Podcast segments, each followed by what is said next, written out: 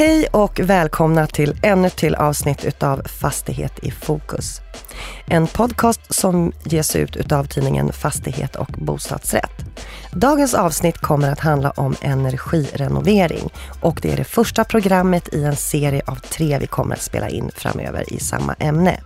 Vi börjar med att hälsa på på Vallatorg i Årsta strax söder om Stockholm där Stockholmshem just nu håller på med en omfattande renovering utav 302 stycken lägenheter.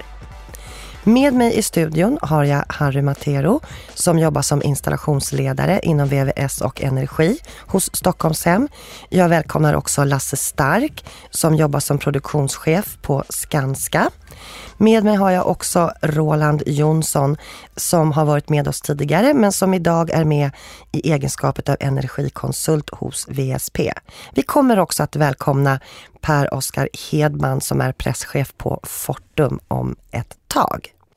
Om vi då börjar med att prata lite grann om det här aktuella projektet Harry på Vallatorg. Jag vet att det här är fastigheter som är byggda på tidigt 60-tal och det fanns ett stort behov utav en, en sedvanlig traditionell renovering, inte sant? Stämmer. Eh, I ett tidigt skede innan projektet Grossmarter drog igång så var jag och en representant från eh, miljöförvaltningen ute och tittade på vilka potentiella energibesparingar som skulle kunna göras i projektet. Det blev sedermera en del av eh, an, en ansökan då till det här EU-projektet. Vi kanske ska berätta lite grann om det här EU-projektet bara i stora drag. Mm. Jag är inte helt säker på att alla är insatta i vad det egentligen, vad det egentligen innebär och vad det står för och vad det har givit för möjligheter. EU-projektet är ett eh, projekt som drivs av Stockholms stad och miljöförvaltningen, eh, där man ska implementera 12 smarta miljötekniska lösningar. Eh, Stockholmshem är involverade i projektet på så sätt att eh, några av de här lösningarna ska implementeras i vår ombyggnad av eh, Vallatorg. Sen så finns det många andra delar i projektet som inte Stockholmshem är involverade i, som har med, mycket med trafiklösningar och smarta Eh, belysningar vid gångstråk och så vidare. Men det här är ett projekt som inte bara berör Sverige, Stockholm, Årsta utan också andra delar i Europa har jag förstått. Ju... Mm. Sverige och Stockholm är ledande i det här tillsammans med två andra eh, demonstrationsstäder och det är eh, Köln och Barcelona eh, som också ska implementera många av de här lösningarna. Utöver det så finns det ett antal följarstäder som tittar på det här och ser vilka, eh, eventuellt vilka lösningar som de kan ta till sig i sina städer. Grunden är ju att när vi renoverar traditionellt så gör vi inte så mycket åt energibesparingar. Eh, och då tittade jag och en person till då från miljöförvaltningen, Jan Ulrik. Eh, han och jag tittade på vad, vad, skulle vi kunna göra för att minska energiförbrukningen? Och då börjar man titta på energiförluster. Var finns energiförlusterna? Man kan tilläggsisolera, man kan eh, se över fönster, fönsterbyten. Eh, sen måste man ju se över vart finns det mer energiförluster och det är mycket i varmvattensystemet. Hur kan vi minska det? Eh, genom transmissionsförluster av rören och så vidare. Tilläggsisolering av rör, nya system för att minska VVC-förluster, energibesparande tappvattenarmaturer och så vidare. Eh, vi pratar även om att eh, återvinna energin ur eh, avloppet via spillvärmeväxlare. Eh, Frånluftsvärmepumpar för att återvinna energin från, eh, frånluften från lägenheterna för att producera värme och varmvatten. Mm, mm. Och, men, men då när, när, ni gjorde den bedömningen och räknade upp allt det här som du just nu nämnt, då, då, var, ni liksom, då, då var det klart att, att ni skulle få ta del av de här eller få, få vara med i det här projektet? Nej, det var inte klart då. Det var inte klart då? Utan det var liksom en bruttolista som vi tog fram, att det här är någonting vi behöver göra. Och eh, om vi gör alla de här åtgärderna så bör vi kunna sänka energiförbrukningen i fastigheterna med 60 procent. Okej. Okay. De här 60 procenten, är det, är det något slags krav ställt ifrån EU eller var det någonting som ni själva det var ju det vi gick in med då. Mm. Så 60 procent är det vi har sagt att vi ska sänka energiförbrukningen i. Okej. Okay. Vi ska återkomma lite, lite grann till olika tekniker och sånt ni har arbetat med. Eh, alltså, ni fick sen pengarna, ni fick ett OK, ni fick, fick vara med på det här. Och som jag förstår då så innebar det att ni kunde liksom jacka upp det här hela, inte bara ett steg utan kanske många steg. Ja, det stämmer. Men framförallt så tittar vi på beprövad teknik. Projektet kanske jag inte nämnde, men det ligger inom i ramen för Horisont 2020 som är ett EU-program Eh, och det handlar ju om forskning och, och, innovativa lösningar. Men det här projektet eh, har vi sagt att där ska vi ta beprövad teknik och implementera och få den att fungera så bra som det bara går tillsammans. Ja, framförallt så är det väl tilläggsisolering och nya fönster. Det är en stor kostnad eh, när man normalt renoverar. Och eh, det är väl det som vi gör i det här projektet som vi kanske inte hade gjort i ett annat projekt. Eh, en stor del av projektet är ju också att vi, vi går från att ha en stor värmeundercentral för hela området eh, och istället så har vi eh, installerar vi värmeundercentraler i respektive hus för att kunna styra husen mer individuellt. Det är också någonting som jag tror inte att vi hade gjort om vi hade gjort en traditionell renovering. Okej. Okay. Så här långt, hur, hur, vilka har varit de stora utmaningarna? Tidplanen är väl den stora utmaningen. Jag tror Lasse och Skanska kan komma med utmaningar. Men, men eh, eh den stora utmaningen har varit tidplanen, att eh, få till evakuering av hyresgäster och få hyresgästgodkännande och allt det här som, som den traditionella eh, planen hur, hur eh, en, en, lös, en, en energi eller en, en renovering går till. Precis. Roland, du sitter här och, och vill, vill, komma in i samtalet lite grann. Ja, det som är intressant i det här läget är att man tar bort en hel del eh, kulvertar. Och vi hade varit inblandade i området eh, tidigare upp i Årsta också där man egentligen gjorde samma sak och där var återbetalningstiden på det här på, på sju år ungefär. Och då var det egentligen helt enkelt bara att eh, skrota gamla rör i marken som man normalt inte ser. Så det, man, ibland så fokuserar man väldigt mycket på huset men vi har en del rör som man inte ser och de drar mycket energi så det är jätteintressant. Då. Och sen just det här med, tog också upp med eh, blandare, en sån energieffektiva blandare. Och de är ju inte dyrare än konventionella blandare så där var ju merkostnaden egentligen noll kan jag tänka mig. Och en annan liten fundering man har, hur kom du i kontakt med Köln och Barcelona utav alla städer? Precis. Ja, det var ju Stockholms stad. Eh, den resan var inte jag inblandad i riktigt, utan det var mer att eh, när projektet väl hade kommit till Stockholms stad och eh, Köln och Barcelona så började vi få sätta igång med projektet för vår del. Det är ju en del av det här Grossmarter i Stockholm. Även en BRF i Årsta är inblandad och Slakthusområdet är inblandad i det här på, på med, med, speciella hus också. Mm -hmm. Ja. Eh, Lasse, och sen så fick ni berätta när, när ni kom med i det här projektet och vad förutsättningarna var då? Ja, det var ju traditionell upphandling i samverkan som, man, eh, som vi vann. Mm. Eh, och det var ju då vi kom in i bilden. Vad innebar det för er? Jag menar det kan ju inte vara, jag tänker att ni renoverar så mycket inom miljonprogrammet så att mycket måste väl gå på liksom någonstans ren rutin även om man får hitta på lösningar kanske olika lösningar för olika fastighetsbestånd. Men det här måste väl ändå ha givit också er liksom lite andra förutsättningar, eller? Jo, det är klart. Eh, det är som Harry säger, men normal, normala renoveringar, det, det här är lite top notch. Det blir lite, lite roligare, lite intressantare. Så är det. Eh, jag vet också att utav Årstas totalt 2016 lägenheter så förvaltar ni 625 stycken. Det är en ganska ganska betydande del. Eh, har ni liknande planer för, för kommande områden där också eller är det så att ni hur, hur ligger ni till? Liksom? Jag tänker att det här var byggt 61 och nu var det äntligen dags. Så känns det som att det, ligger alltid lite sådär snäppet efter.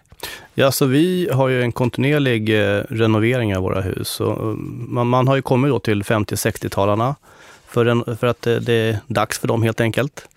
Eh, tills vidare så går vi vidare egentligen med en traditionell renovering. Eh, det här projektet Grow Smarter eller det som pågår i Valla Torg, det kommer ju bli någon slags demonstration för hur kan vi göra i nästa hus och vilka åtgärder är det verkligen som betalar sig?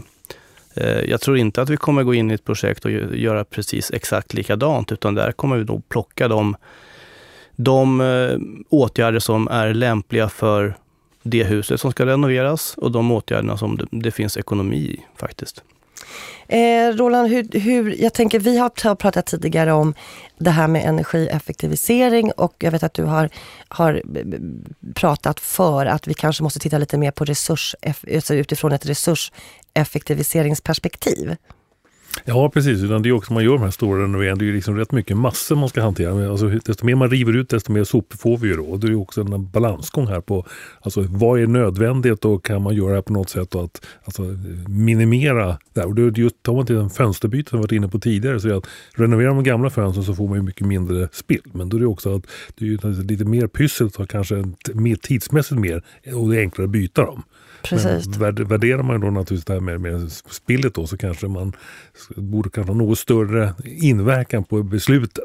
Mm, mm. Och sen är väl också här man, man tittar på det, det är väldigt mycket fokus nu på det här att vi ska minska energianvändningen.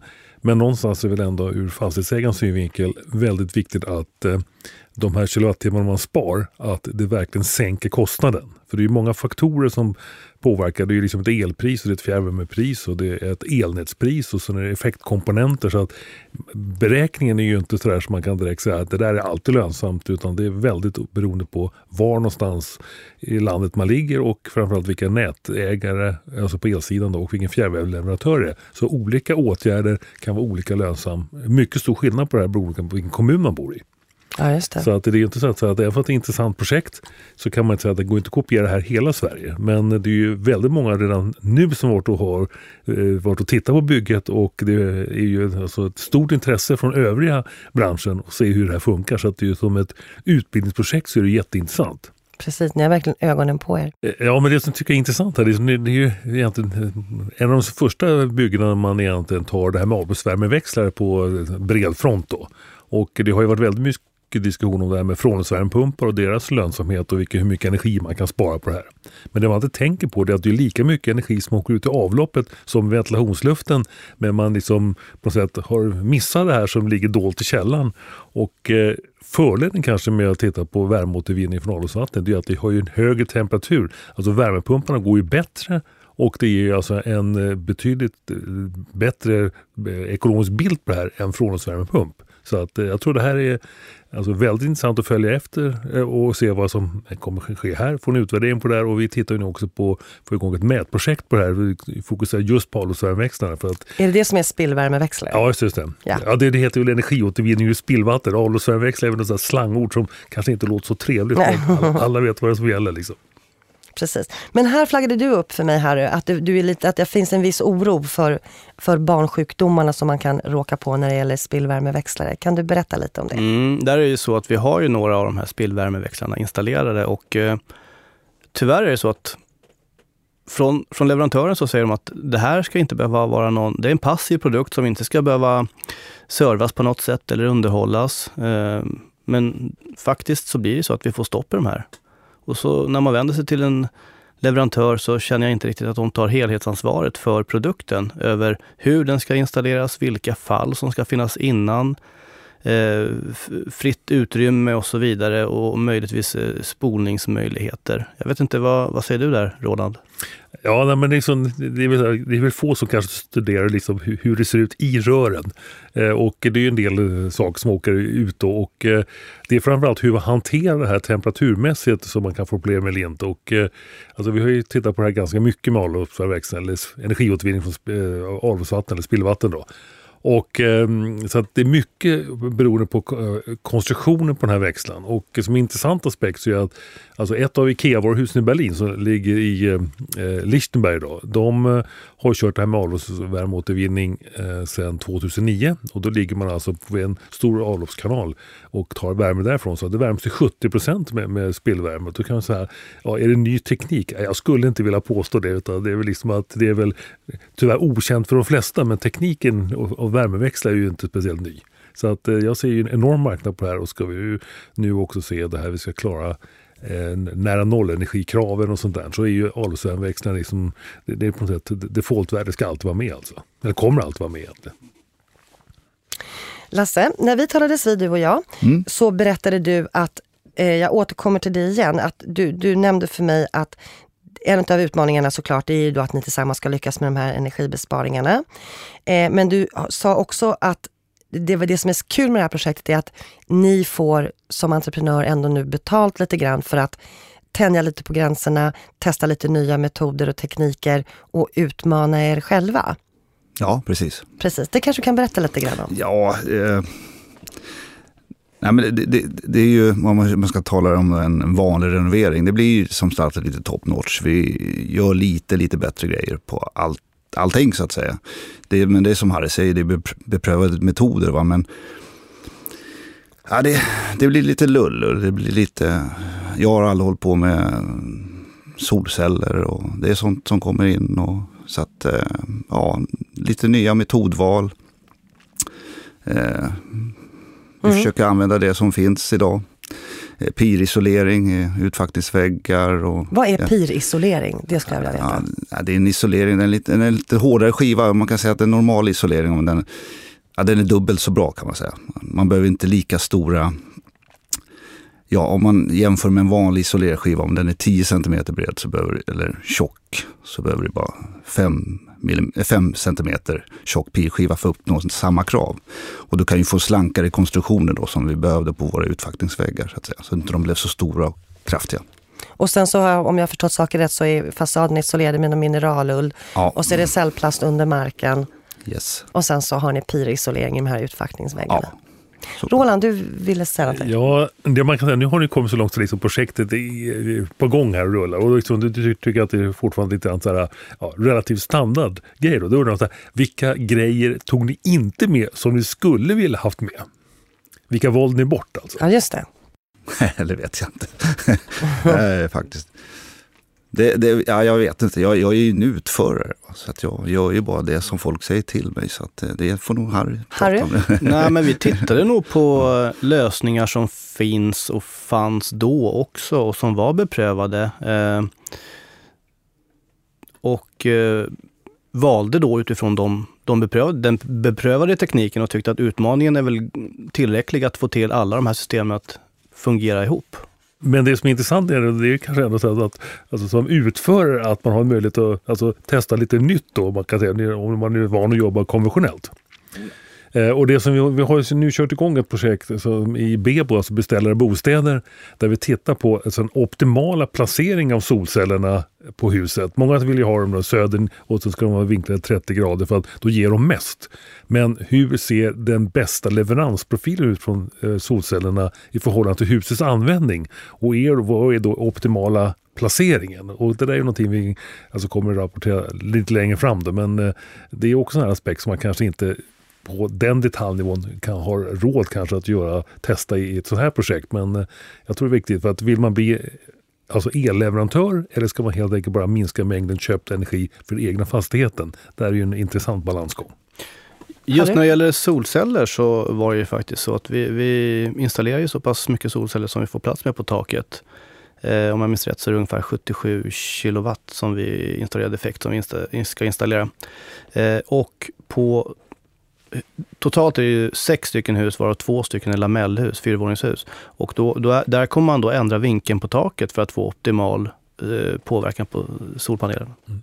Nu är väl några hus ganska höga, jag vet inte hur höga de är, 10-12 våningar någonting? Uh, 14. 14, 14 okay. Och det innebär att det är rätt mycket boyta i förhållande till takyta. Och då kanske man kan fundera, skulle det här varit intressant med en eh, fasadintegrering?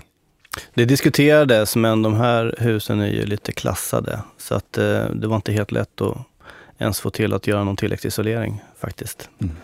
Nej. Ni pratade om det här med energiförlusterna i VVC-system och du nämnde för mig att man, ni jobbar med ett rör-i-rör-systemet. Kan du berätta lite grann om det? Ja, det blir lite tekniskt tror jag. Men eh, det här är en traditionell varmvatteninstallation sker så att man har varmvatten fram till tappvattenarmaturen, tappvattenkranen helt enkelt. Och i systemet så har man en cirkulation som går tillbaks till värmecentralen, ett eget rör. Eh, det finns en leverantör, det kanske finns fler, eh, som har tagit fram ett system där man istället för att ha, två rör så går man eh, med VVC-returen inne i ett rör i varmvattenröret det är komplicerat kanske. Ja. eh, och på så sätt ska man då kunna reducera VVC-förlusterna med 30 procent. Eh, och det finns ju andra fördelar med det här. Det blir mindre isolering, det blir mindre schaktytor och så vidare. Spännande. Roland? Ja, alltså, det, alltså för de som jobbar med det här är det hur logiskt som helst. Men beskriva här är som, ja, man ska inte säga att det är omöjligt, men det är mycket svårt. Man brukar ibland ta upp jämförelse man alltså, dricker en drink med sugrör. Mm. Alltså, man har ju som en vätska på utsidan så går det ju upp i sugröret. Det fungerar precis på samma sätt och är det någon som har minns att det har klickat när man dricker drink så är det driftsäkert system. Ja. Ja, okay. eh, jag vet om att, att det här systemet, jag vet inte om det är framtaget i Danmark, för det är väl ett danskt företag som har som, som, är, det, är det ett danskt patent eller uppfinning eller har det funnits länge i Sverige? Eller är det Roland? Ja, nej, så min erfarenhet av det här, det här är alltså en, egentligen en östtysk uppfinning. Aha. Eh, och eh, det har ju använts ganska mycket nu och sen såg jag den här artikeln för ett par år sedan. De hade intervjuat en förvaltare i Potsdam utanför Berlin och undrade vad finns det för nackdelar med systemet? Mm. Att det inte har kommit tidigare och jag tror vi ligger i den fasen i Sverige nu också. Här, att, eh, det finns flera leverantörer, jag tror det finns fyra stycken där som är kända och tekniken är ju jätteenkel så att man kan ju liksom nästan åstadkomma det här själv om man är lite händig och rörig. Okej, okay, okej. Okay. Eh, tvättstugorna kommer ni också att passa på att flytta upp till marknivå såklart. Mm. Alltså vi passar ju på att göra så mycket positiva eh, ändringar i husen som möjligt. Från att ha, just när det gäller tvättstugor så pratar vi om trygghet och säkerhet eh, och istället för att ha tvättstugorna nere i en källare så flyttar man upp dem där det finns fönster och man kan ha lite utsikt över vad som händer i, i närområdet. Eh, mm. Och det har ju med trygghet att göra. Det är någonting som eh, vi ofta gör när vi renoverar. Mm. Vad händer med de gamla tvättstugeutrymmena under, under jorden, under marken? Eh, tvättstugeutrymmena under marken så kommer det bli förråd. Och förråden som tidigare var uppe på vinden eh, i de höga husen kommer vi att eh, bygga några mindre lägenheter. Totalt 21 stycken om jag minns rätt. Mm, ja, så blir det. Vad roligt. Vad, hur stora blir de här lägenheterna Lasse? Ja, de är runt mellan 20 och 25 tror jag, kvadrat. Så. Är det ungdomslägenheter eller Japp, studentlägenheter? studentlägenheter. Top notch. Ja, ja, precis. Top notch, top notch. Eh, nya energieffektiva hissar installeras vet jag också. Mm. Och det blir LED-belysning såklart. Ja. Eh, du sa också till mig att ni prövar ju som sagt var inte bara massa nya tekniska lösningar utan utmaningen har varit att maximera fastigheterna med de befintliga tekniker och metoder som finns och framförallt att få dem att integrera med varandra. Eh, Idag saknades bakgrundsinformation, var också någonting vi pratade om, vad gäller detaljerna i husnivå. Som bland annat inkluderade undermätare, tvättstugor, hushålls och fastighetsel och varmvatten och så vidare. Eh, den här mätinsamlingen är ju väldigt viktig och en förutsättning för att ni ska lyckas med projektet. Mm. Är det mm. någonting du kan berätta lite om? Ja, eh, en del av projektet är att göra en utvärdering av det här. KTH eh, är inblandade i att hjälpa till med en tekniska utvärderingen. Sen så är det ett universitet i eh, Barcelona som ska ta hand om den ekonomiska utvärderingen. Och just när det gäller den tekniska utvärderingen så har vi krav på oss att vi ska följa upp energiprestandan på husnivå. Och från att tidigare ha liksom haft en undercentral för alla husen, en stor värmeundercentral, så vi har ju liksom vetat hur mycket energi området drar totalt, inklusive kulvertar, Roland, eh, så ska vi då räkna, så ska vi mäta i, eh, på husnivå både varmvatten, värme, VVC-förluster, elförbrukning. Eh, ja, det var väl det. Mm. Och det ska vi mäta på timvärde under ett års tid.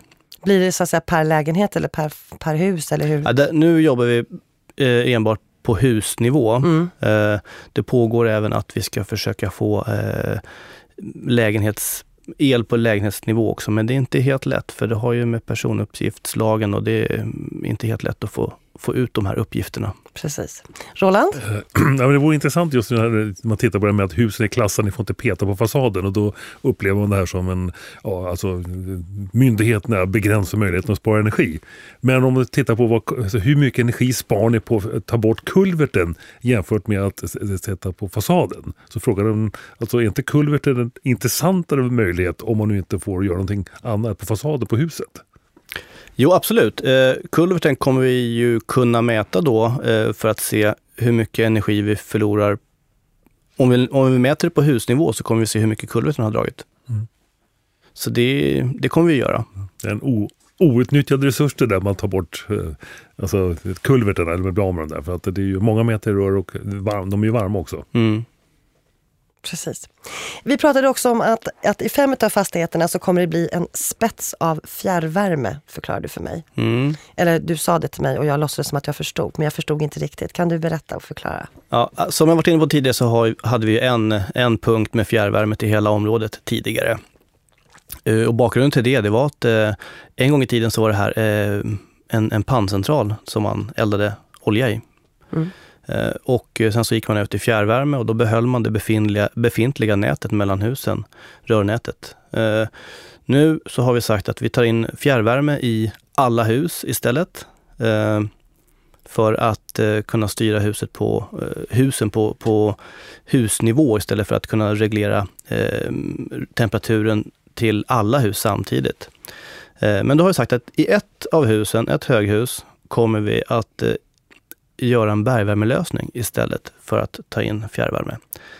Och det har ju lite med det här med det som Roland var inne på, att det, det, det kanske inte finns ekonomi eller möjlighet att ansluta sig till fjärrvärmenätet i alla städer, i alla orter, i alla länder.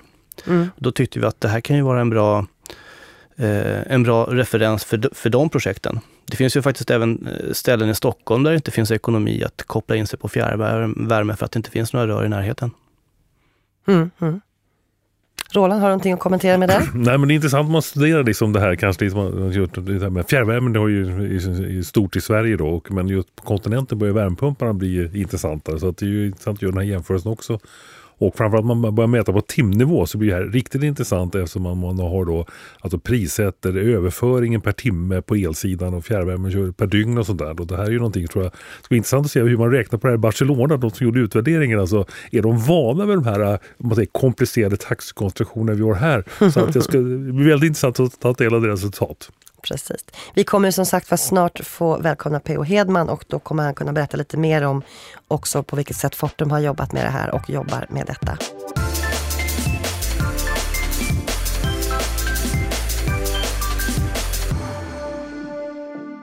Bergvärmepumparna skulle ni montera på en av fastigheterna för att då kunna jämföra lite grann vad det ena och det andra ger.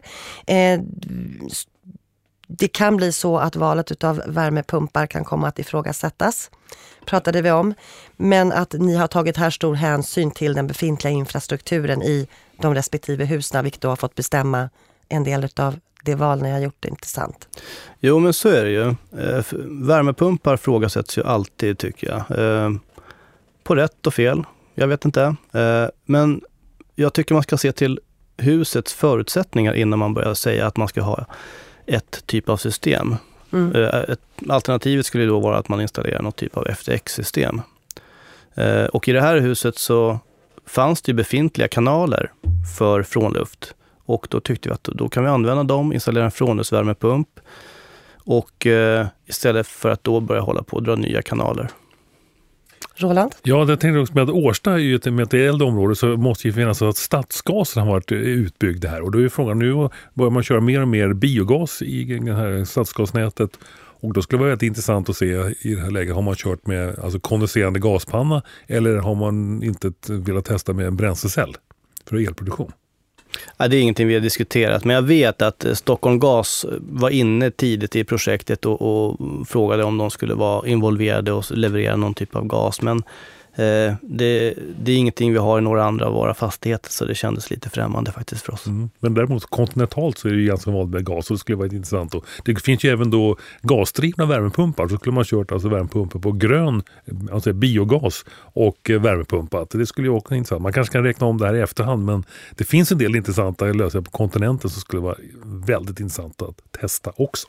Men då ska vi komma ihåg också att, att eh, som vi sa tidigt här så har vi tidplanen att förhålla oss till. Mm. Och det betyder att vi, vi har liksom ingen, inga marginaler för att eh, gå på de här minerna eller barnsjukdomarna, utan eh, tanken och ambitionen är att det här ska lira dag ett. Mm. I Tyskland så kan man ju få just de här gasmotorerna producera el.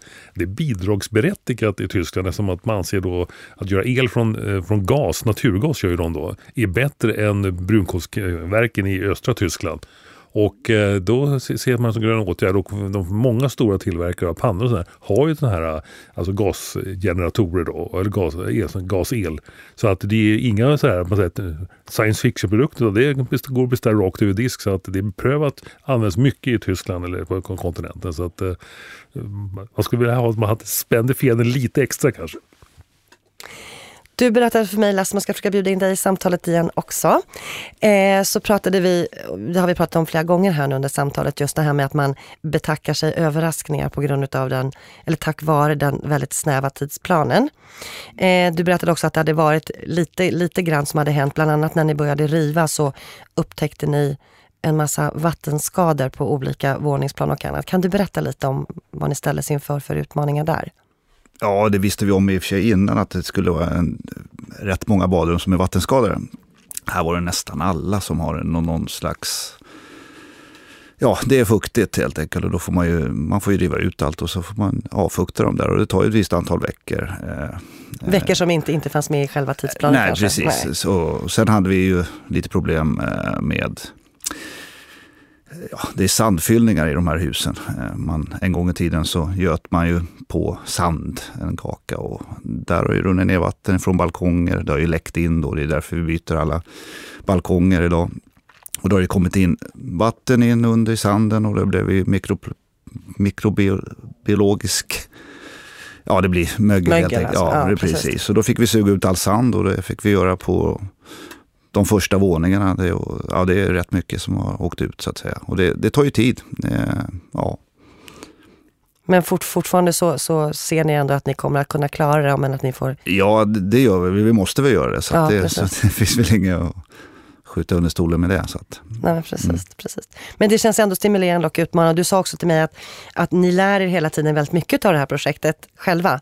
Ja, det är klart. Eh, kunskap och erfarenhet som ni kommer att ha glädje av också framöver och kunna liksom implementera i andra projekt ni ställs inför och så vidare. Precis, så är det. Så är det. Mm. Eh, det var ju många olika energitekniska företag som är involverade i det här projektet, berättade du för mig Harry. Vi har bland annat Veolia, vi har Carrier Transport och vi har Fortum. Och vi har. Kan du berätta lite grann om, om hur ni arbetar med alla dessa idag? Mm.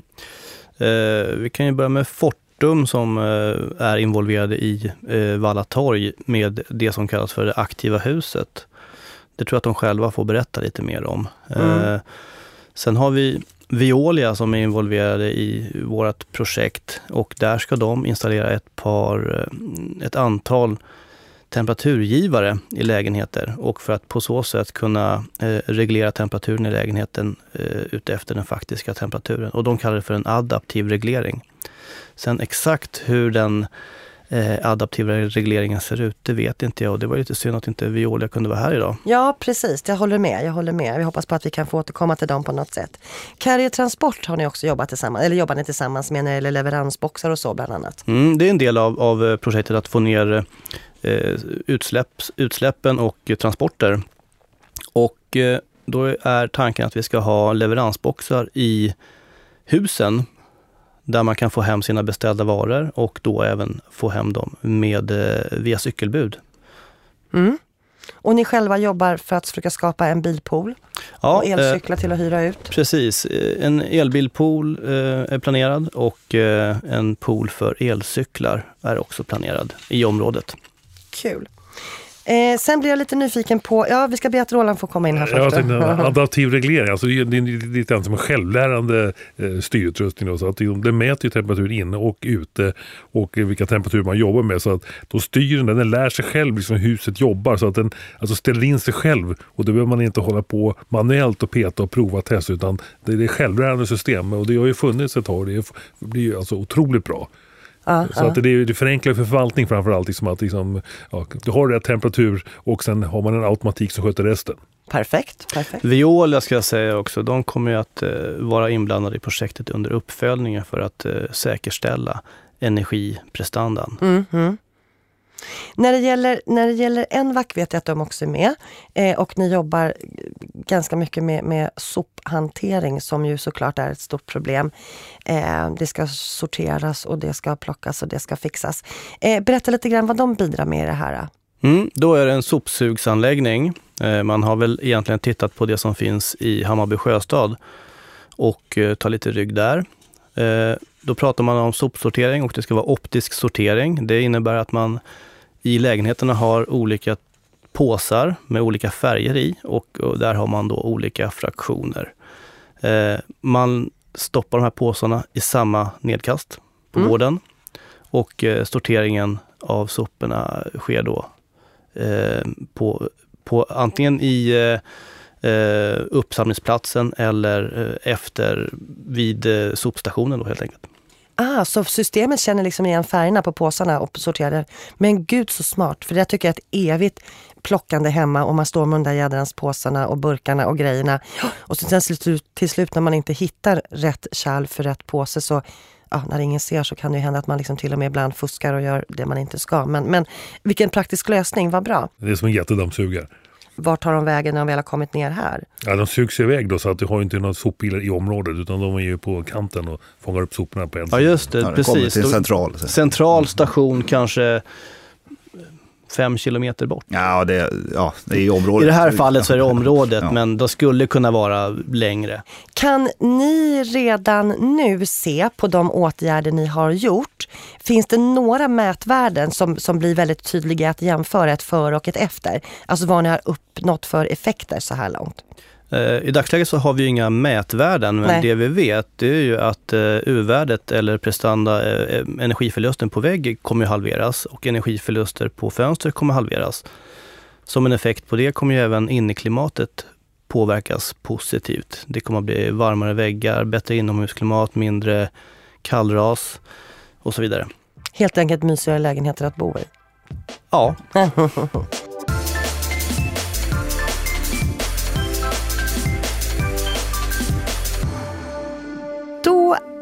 kan, jag, eller kan vi välkomna Per-Oskar Hedman ifrån Fortum.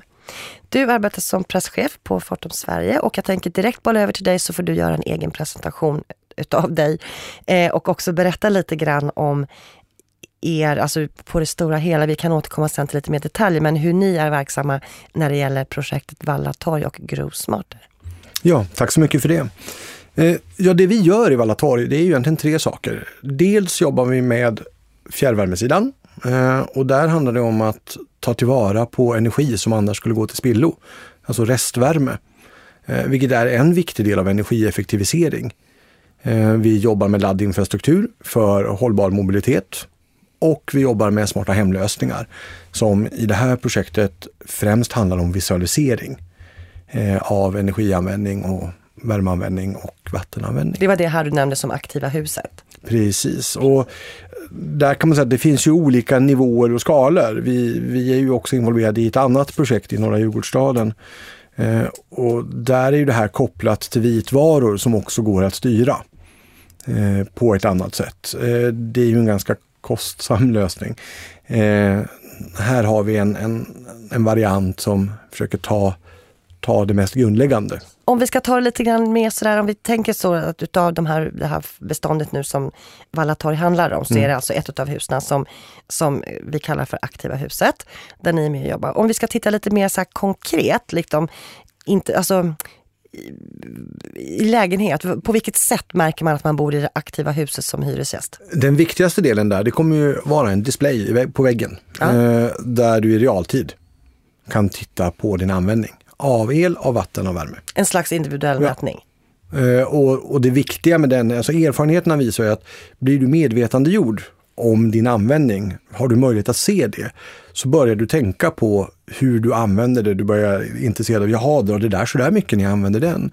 Uh, och det ger effekt. Uh, det finns siffror som pratar om ner till minus 20 procent okay. eh, på användningen. Vi vet ju sedan tidigare, det kom ju en rapport från Uppsala universitet ganska nyligen som släpptes där man landade i att skillnaden mellan individuellt elavtal och ett elavtal som ingår i hyran, eh, elanvändningen diffar på ungefär 35 procent. På det. Eh, vi vet det från individuell vattenmätning. Eh, så att egentligen är ju det här en, en del av det. Sen kan man då koppla på med där du då har sensorer på värme förstås, på fjärrstyra belysning, fjärrstyra olika saker. Så att du ska ha en möjlighet, det finns ju en komfortdel i det också förstås, att, att den här klassiska frågan, glömde jag stänga av spisen? Eh, behöver man inte längre ställa, för det kan man kolla. Det handlar lite, det handlar lite grann om att, att arbeta med beteendeförändringar helt enkelt hos de boende mycket till stor del. Ja, att, att, att underlätta beteendeförändringar eftersom just värme, vatten och el, det är ju saker som man tar ofta för självklart. Man tänker inte på hur mycket man använder. Eh, och bara genom att bli medveten om det och att börja fundera så, så förändrar man beteendet. Just det. Ni är ju med också ifrån Fortums sida i själva Grow Smarter-projektet, inte bara kopplat till Valla. Eh, och jag tänker, vad gör, ni, vad, gör, vad gör ni för övriga insatser där? Eller vad, vad ser ni för, för utvecklingsmöjligheter? Eller vad ser ni för möjligheter? Ska jag säga? Vi har eh, en del som handlar om öppen fjärrvärme och det är någonting vi har utvecklat via då Fortum Värme som vi äger tillsammans med Stockholms stad. Eh, Och det handlar om att ta vara på, på liksom spillenergi. Det tydligaste exemplet är ju serverhallar. När man vintertid ser hur det bara far ut ånga. De köper massor av el, förkylning, de får massa överskottsvärme som de bara släpper ut i luften. Eh, tar vi in det och växlar in det på fjärrvärmenätet, då tar vi ju hand om den energin. Då blir ju det en något som tidigare bara var en biprodukt blir ju nu en ny intäktsström för de aktörerna. Samtidigt som det bidrar till att, till att lösa produktionsfrågan också. Vi tittar på 10% i Stockholms stad ungefär. Eh, av värmebehovet kan man lösa via det. Och i det här projektet så har vi dels en serverhall som är då en lite större skala. Eh, och sen så har vi även en mataffär som är med där man tar från kyldiskar motsvarande. Eh, och det som är nytt i detta det är ju dels, dels att vi gör det att, att de får marknadsmässigt betalt för det här eh, och att det är så liten skala. Vi har ju sett liknande tidigare när, när det handlar om att koppla ihop tung processindustri tillsammans med fjärrvärmenätet. Men här har vi massa små eh, olika typer av mikroproducenter av överskottsvärme. Eh, Och det är en viktig del. Och sen laddinfrastrukturen. Där har vi jobbat nu i nästan tio år med laddinfrastruktur. Och är, I Norge är vi ju ledande och vi är en av de största i, i Norden på det. Så där har vi både en snabbladdare och långsamladdare då, eller liksom laddare vid parkeringen. Och ladda, när vi pratar laddare i det här fallet så är det inte till mobilen utan det är hela bilen. Det är hela bilen. Ja, det är precis. laddinfrastruktur för, för elbilar och det ingår ju i en del att kunna skapa elbilspool för boende i området. Där, man, där ju staden ser framför sig en utveckling där mycket går via kollektivtrafik, mycket går via cykel, via andra transporter. Men där man också på ett mer resurseffektivt sätt använder sig av, av elbilar. Då, och då är en elbilspool en bra lösning. Eh, själva installationen av en sån är ju väldigt enkel, så den kommer ju i slutet eh, av projektet. Det är Ja, mer en markanvisningsfråga. Så den är inte särskilt avancerad ur det sättet. Men däremot är den viktig eh, i, i den totala lösningen.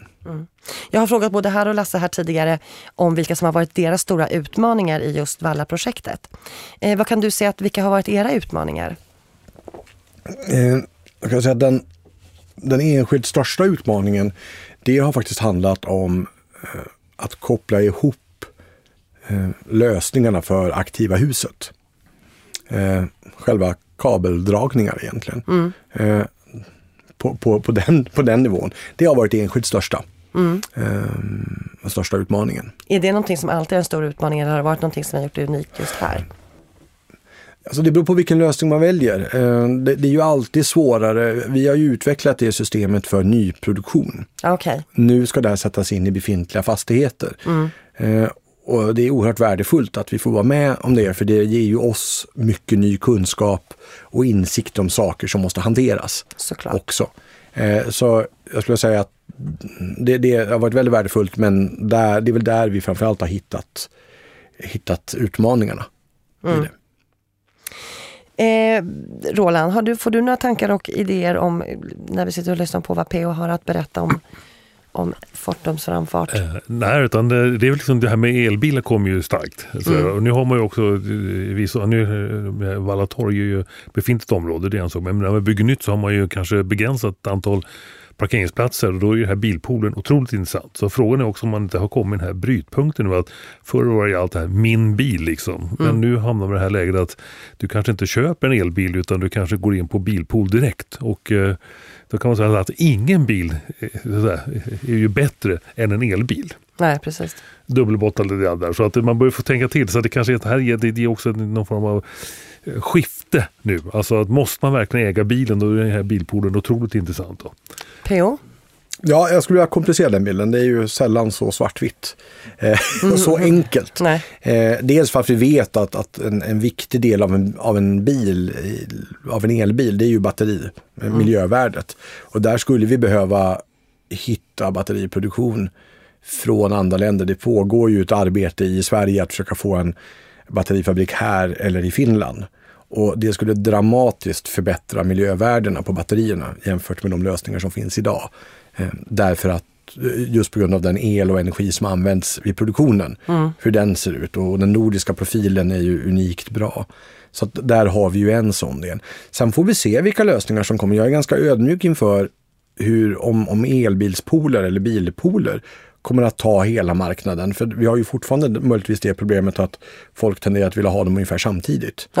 eh, och och det, har ju, det förändrar inte det. Men jag tror att vi, vi kommer att se med kanske mer en tjänsteutveckling med hemleveranser, med arbete, med förändrade sätt att arbeta, ökad närvaro på kontor med hjälp av VR-glasögon som gör att du kan sprida ut ditt resande och minska ditt resande. Så jag tror att vi, lösningen på, på mobilitetsfrågan kanske kommer att hamna, komma fram och växa fram inom helt andra områden. Inte nödvändigtvis på, på själva transportsidan.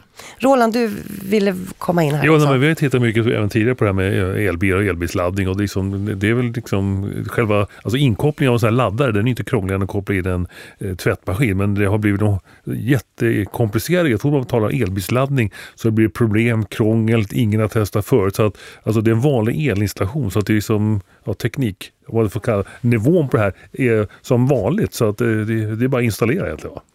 PO? Ja, lite är det så att tar du en destinationsladdare, en, en långsamladdare, mm. den är inte särskilt okomplicerad. Du behöver bara egentligen anpassa installationen för att den ligger på maxeffekt. Eh, på kablage och liknande. Mm. Eh, den är inte särskilt svår, men det du har det är ju styrsystemet sen på att du måste ha en viss smartness i det. det. Och det handlar om debitering, att hitta kostnadsneutrala sätt att fördela kostnader på en, på en stolpe som används av flera. Eh, vi vet också att hur du laddar och hur laddningen går till. Eh, det styr väldigt mycket och det påverkar väldigt mycket batteriernas livslängd i bilarna. Mm.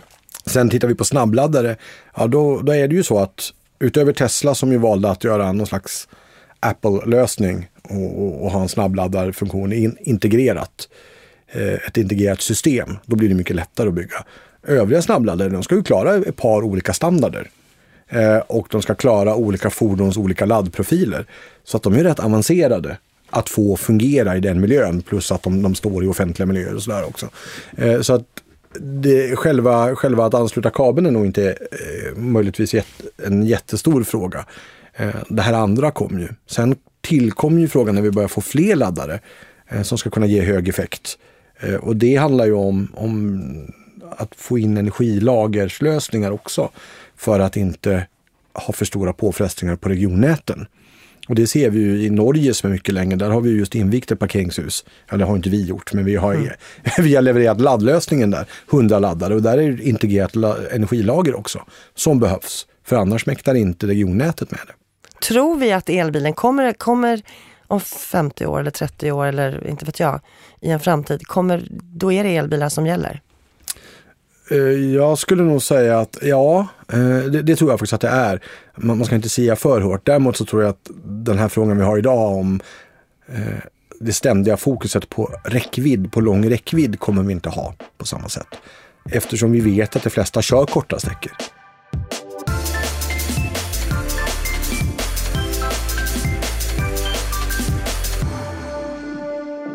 Elbilar är superintressant men jag tycker vi lämnar det dit hän.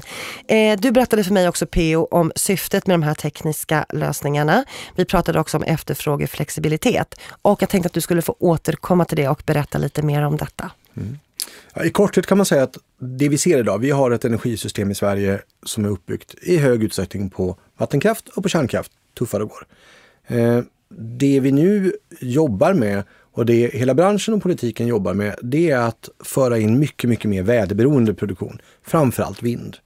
Eh, och det här betyder att man får större variationer i produktionen. Eh, det är viktigt därför att man måste hålla en jämn frekvens i elnätet, annars smäller helt enkelt saker, eh, det som är anslutet. Eh, och då blir behovet av att kunna styra efterfrågan, inte bara produktionen. Har vi produktion som inte kan styras, ja då måste vi ju antingen stoppa dit ett energilager eller också tillsammans med det eh, öka möjligheten att styra efterfrågan, att helt enkelt flytta förbrukning. Och det är där smarta vitvaror motsvarande kommer in. Att istället säga, ja men nu ställer jag in min tvättmaskin så att den är klar klockan sju på morgonen. Och sen körs den under natten då, eller under dagen, då när det är lämpligt, när det finns ett överskott på energi. Kommer det upp en efterfrågehöjning eller en plötslig produktionssänkning, ja, då, då pausar programmet. Men är det inte så, för jag vet förut för ett antal år sedan så hade man ju olika taxor på dygnet. Ja. Precis. Eh, och här kan man säga att addera 20 års eh, digitaliseringsutveckling, teknikutveckling på det eh, och gör det ännu mera fint så att du kan liksom laborera löpande i realtid för det. Precis. Eh, vi pratade också om att fastigheter i allt ökad utsträckning kommer att bli en del utav själva energisystemet på ett sätt som vi kanske inte tidigare har sett. Ja, och, och, och, det är en typisk del. Eh, vi vet att i andra kommuner Eh, och med andra energibolag så jobbar man ju med att kunna använda alltså inertian i fastigheten. Fastigheten, eller stommens förmåga att hålla värme. Att använda det som topplast i värmesystemet.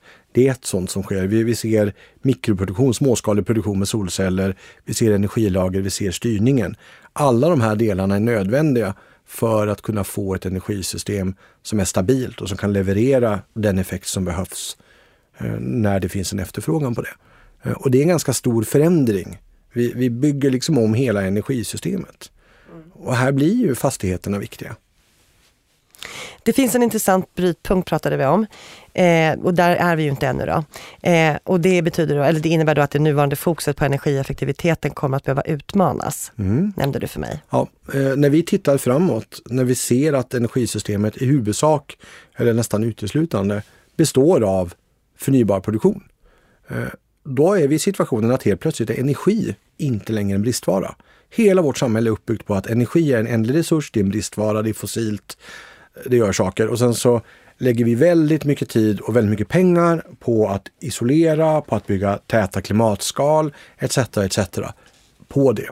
För att spara på denna ändliga resurs. Men det, vi, det samhälle vi är på väg in i, där har vi ju i princip obegränsad tillgång på energi. Däremot så har, börjar vi se att vi har brist på en del andra råvaror. Då kanske det är bättre att bygga ett mindre effektivt klimatskal för att då använda mer energi istället, för energin är ju inte brist. Mm. Roland, du vill komma in här Ja, det, det, man, man, man tänker ju så det att bara för förnyelsebart så ska man definitivt inte slösa på energin.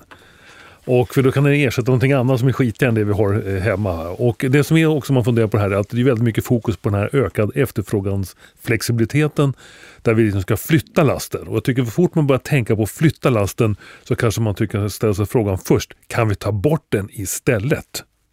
Då kan man alltså välja. Vi tittar på en här frånluftstumlare på en stor tvättstuga. Alltså, kör den på dagen kostar 4,50 för att torka en tvätt. Knuffar du efter natten kommer den komma ner till 4 kronor. Sätter in en värmepumpstumlare så är nere på 1,50 och det finns en lösning vi kanske nu kan få, få in och testa här. Där vi är nere på alltså runt 75 öre. Då blir flyttningen helt ointressant. Jag skulle ju alltså, vilja gå i polemik med det för att eh, flyttningen blir ju fortfarande intressant. Däremot ansluter du mer saker. Eh, och det är fler delar som, som du använder för, för att egentligen flytta lasten. Alltså, vi ska effektivisera, vi ska använda saker effektivt. Det är ju inte eh, det är en utveckling som drivs nästan oberoende. Men det, men det som är poängen är, och jag tänkte på det just när du sa det, ja, men då kan vi ju trycka ut någonting annat som är mindre skitigt. Tittar vi på det svenska energisystemet så har det under lång tid till 98 procent varit fossilfritt. Eh, tittar vi på vad som händer med inte minst utvecklingen av sol i stora delar av världen där då förhållandena för sol är oändligt mycket bättre. Eh, och där vi vet att det, där har vi en kapacitetsfråga som på sikt faktiskt kommer att hanteras. Eh, och den, den kommer att lösas. Och då är vi i ett läge där vi kanske måste vara mer varsamma om de resurser som faktiskt är ändliga, som vi plockar upp ur jorden, än att vara varsamma med de, liksom den energi som kommer med solinstrålningen. Som sagt var, vi är inte där än, men det kommer att komma.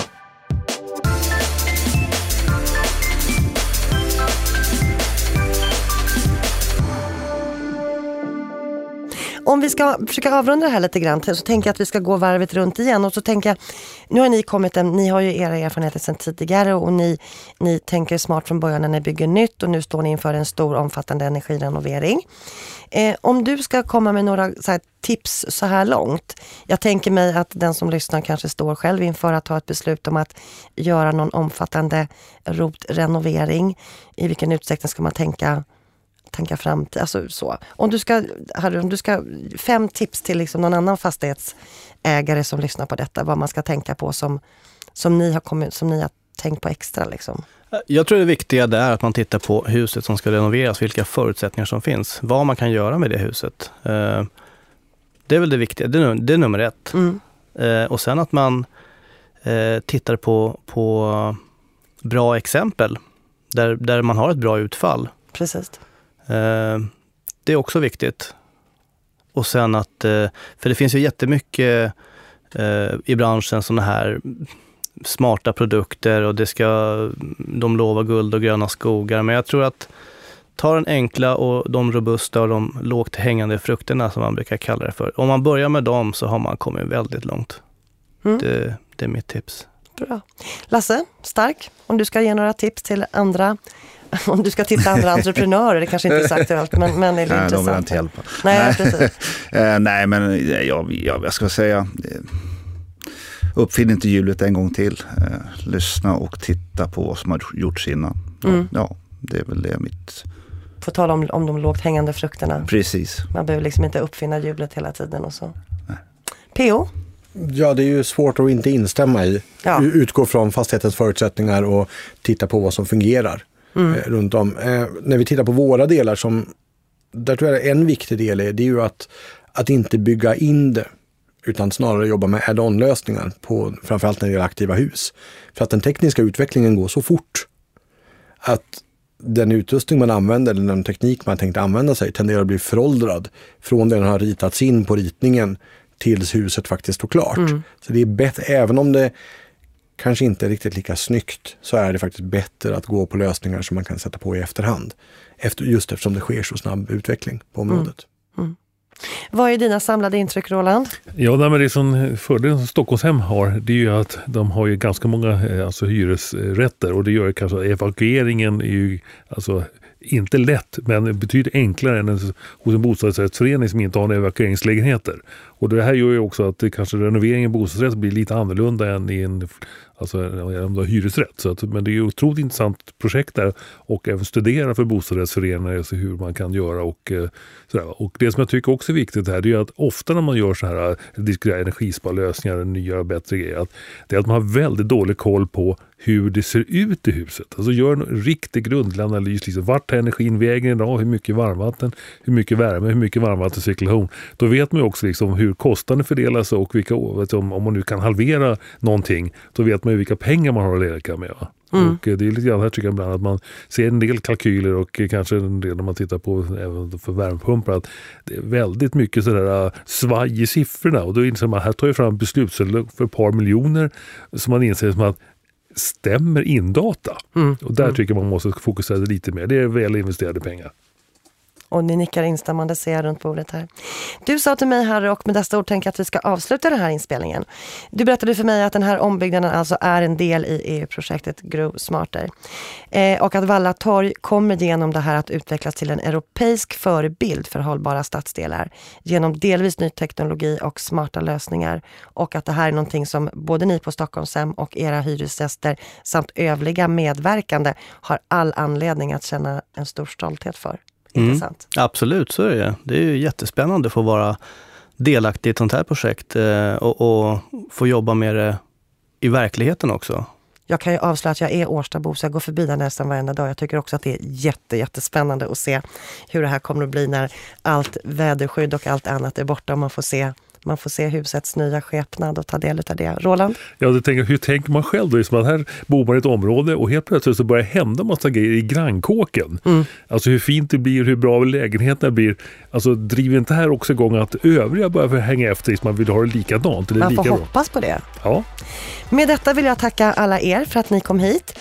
Eh, det här programmet kommer vi att släppa som vanligt såklart och sen kommer vi också att kunna läsa om dess innehåll i tidningen Fastighet och bostadsrätt. Här kommer vi också att fylla på med andra relevanta och aktuella och framförallt intressanta artiklar som alla berör energirenovering. Nästa program vi kommer att få höra i den här serien, där kommer vi att prata en hel del om pågående energirenoveringar nere i Hammarby sjöstad. Mer om detta i nästa avsnitt på återhörande. Mm. Tack. Tack.